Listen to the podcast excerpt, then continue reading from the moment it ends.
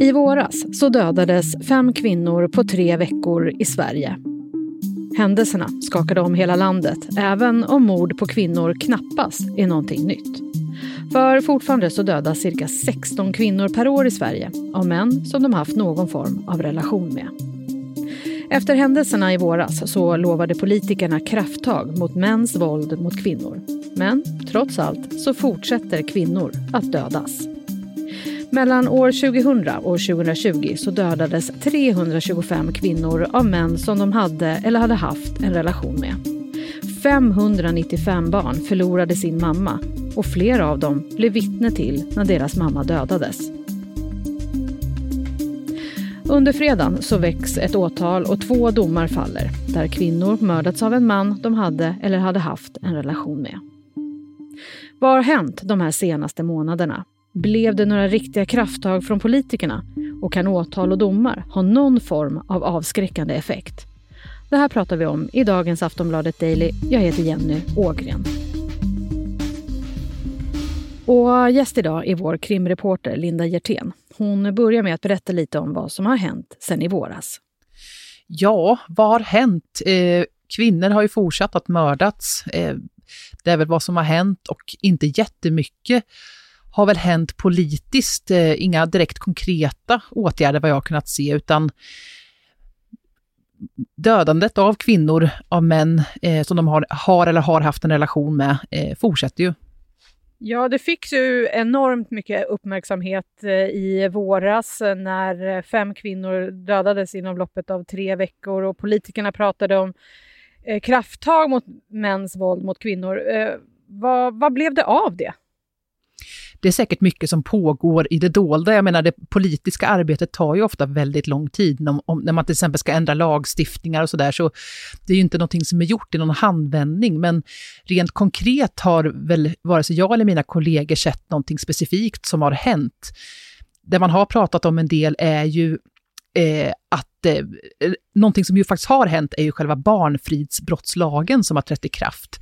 Och det innebär att en man som eh, misshandlar sin fru eller, eller sin sambo också kan dömas för att ha begått brott mot barnen. Även om de själva inte har blivit slagna så anses det vara så pass traumatiserande för barn att se sin mamma bli slagen, att man även kan dömas för brott mot dem då. Och det är ju en positiv sak som har inträffat, men i övrigt så har jag inte sett jättemycket konkreta saker som har hänt än.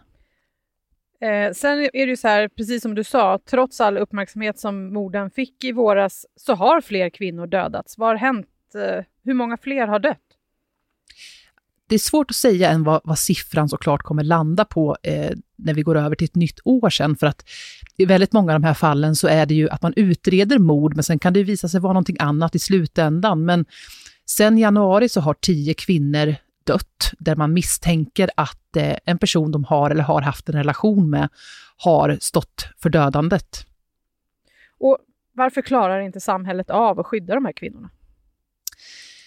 Ja, det är ju en miljonkronors frågan. Alltså det är ju jättesvårt, för det är så otroligt många delar i samhället där man behöver hjälpas åt för det här. Det handlar ju inte bara om att polisen ska klara upp brotten, utan det ska ju handla om att de här brotten inte ska äga rum till att börja med. Och där är ju hela samhället eh, skyldiga, så att säga. Alltså, från det att män uppfostras in till en specifik mansroll. Eh, sjukvården som kanske behöver bli bättre på att fråga en kvinna som kommer in med skador, blir du slagen hemma?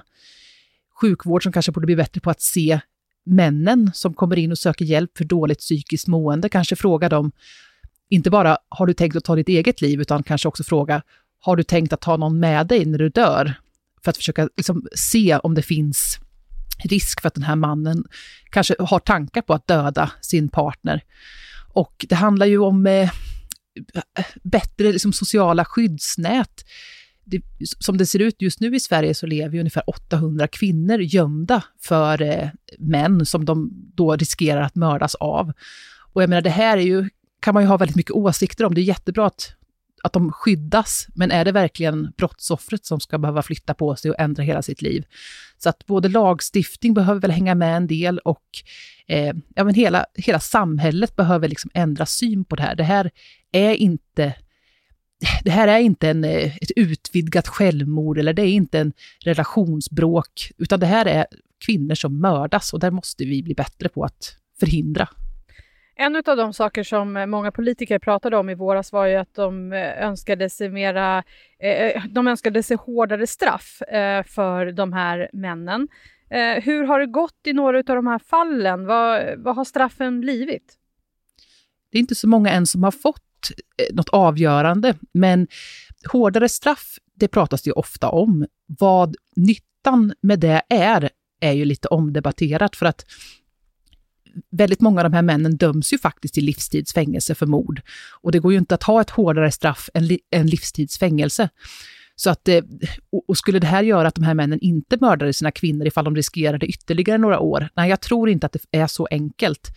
Men eh, det som ju händer under fredagen är ju att det väcks ett åtal gällande ett mord i Linköping. En eh, kvinna, en niobarnsmamma, som mördades mitt på blanka dagen på Linköpings centralstation av sin exman med ett stort antal knivhugg. Och så faller även två domar. Dels gällande Hala, en eh, kvinna vars öde jag har skrivit mycket om och som jag har berörts väldigt mycket av. Hon eh, levde 14 år i Sverige, men var enligt åklagaren och utredningen totalt isolerad. Hon fick inte lära sig språket, hon fick inte ha vänner eller sociala kontakter.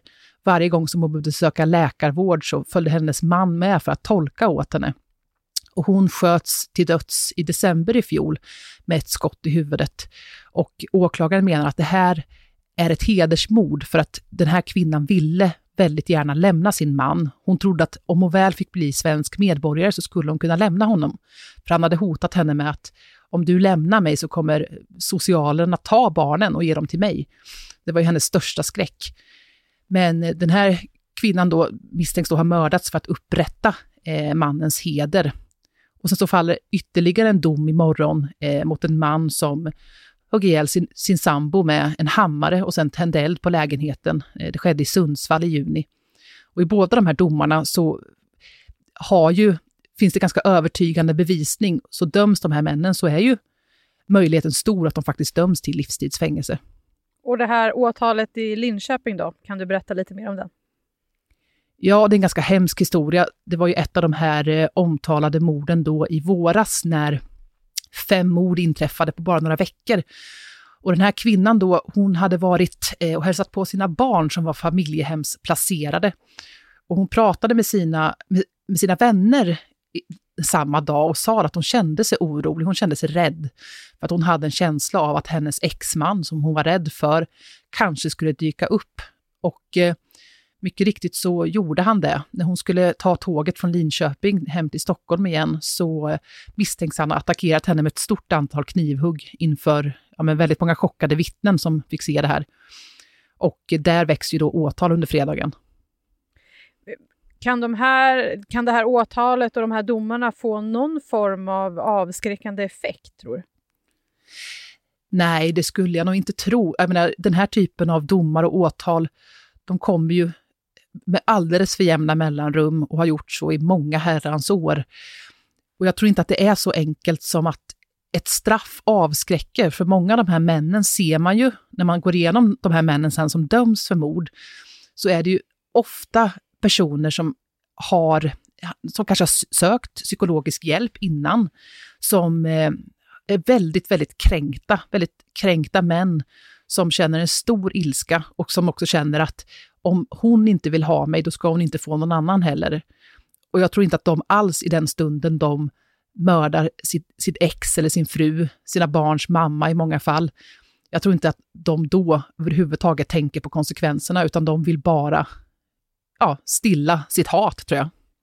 Linda, du har ju tagit över den här granskningen Dödade kvinnor från vår tidigare kollega Kerstin Weigel som har jobbat med det här under lång tid där vi eh, på Aftonbladet räknar alla de kvinnor som har dödats av en man som de har haft någon form av relation med. Vad, vad hoppas du nu ska hända med den här granskningen framöver? Jag tycker det är fortsatt viktigt att fortsätta att, att räkna alla kvinnorna och i den mån som deras anhöriga orkar och vill också publicera deras namn och ansikte för att visa att det här är kvinnor, det här är kvinnor som var älskade, det är inte bara en siffra i statistiken. Men det jag hoppas är såklart att det jobb jag gör till slut ska bli onödigt att, att morden på kvinnorna ska, ska sluta, eller i alla fall minska kraftigt. Och det, det kan man ju verkligen, verkligen hoppas på. Men då krävs det ju väldigt mycket av samhället. Det krävs framför allt kanske att vi börjar lyssna på de här kvinnorna lite mer. För det är ju inte, det är inte sällan som de här kvinnorna som sen mördas har ropat på hjälp på alla möjliga olika sätt. Det kan vara via sjukvården, det kan vara via socialen, via polisanmälningar. De har ju ofta verkligen försökt att, att få hjälp, men den har inte kommit fram i tid. Och där behöver vi som ett helt samhälle också hjälpa till. Ser du din granne med en blåtira, du kanske kan fråga liksom, har det hänt något? Är, är du trygg hemma? Jag tror att förskolepersonal som ser att mamman alltid ser trött och, och håglös ut, man kan, man kan fråga. Jag tror att vi måste bli bättre på att fråga varandra hur man mår. Sist här hörde vi Linda Hjertén som är krimreporter på Aftonbladet. Jag heter Jenny Ågren och du har lyssnat på Aftonbladet Daily. Behöver du stöd eller hjälp så kan du ringa Kvinnofridslinjen. Telefonen är öppet dygnet runt och samtalet är gratis oavsett var du bor i Sverige. Samtalet syns inte på telefonräkningen. Numret dit är 020 50 50 50. Vi hörs snart igen. Hej då. Du har lyssnat på en podcast från Aftonbladet. Ansvarig utgivare är Lena K Samuelsson.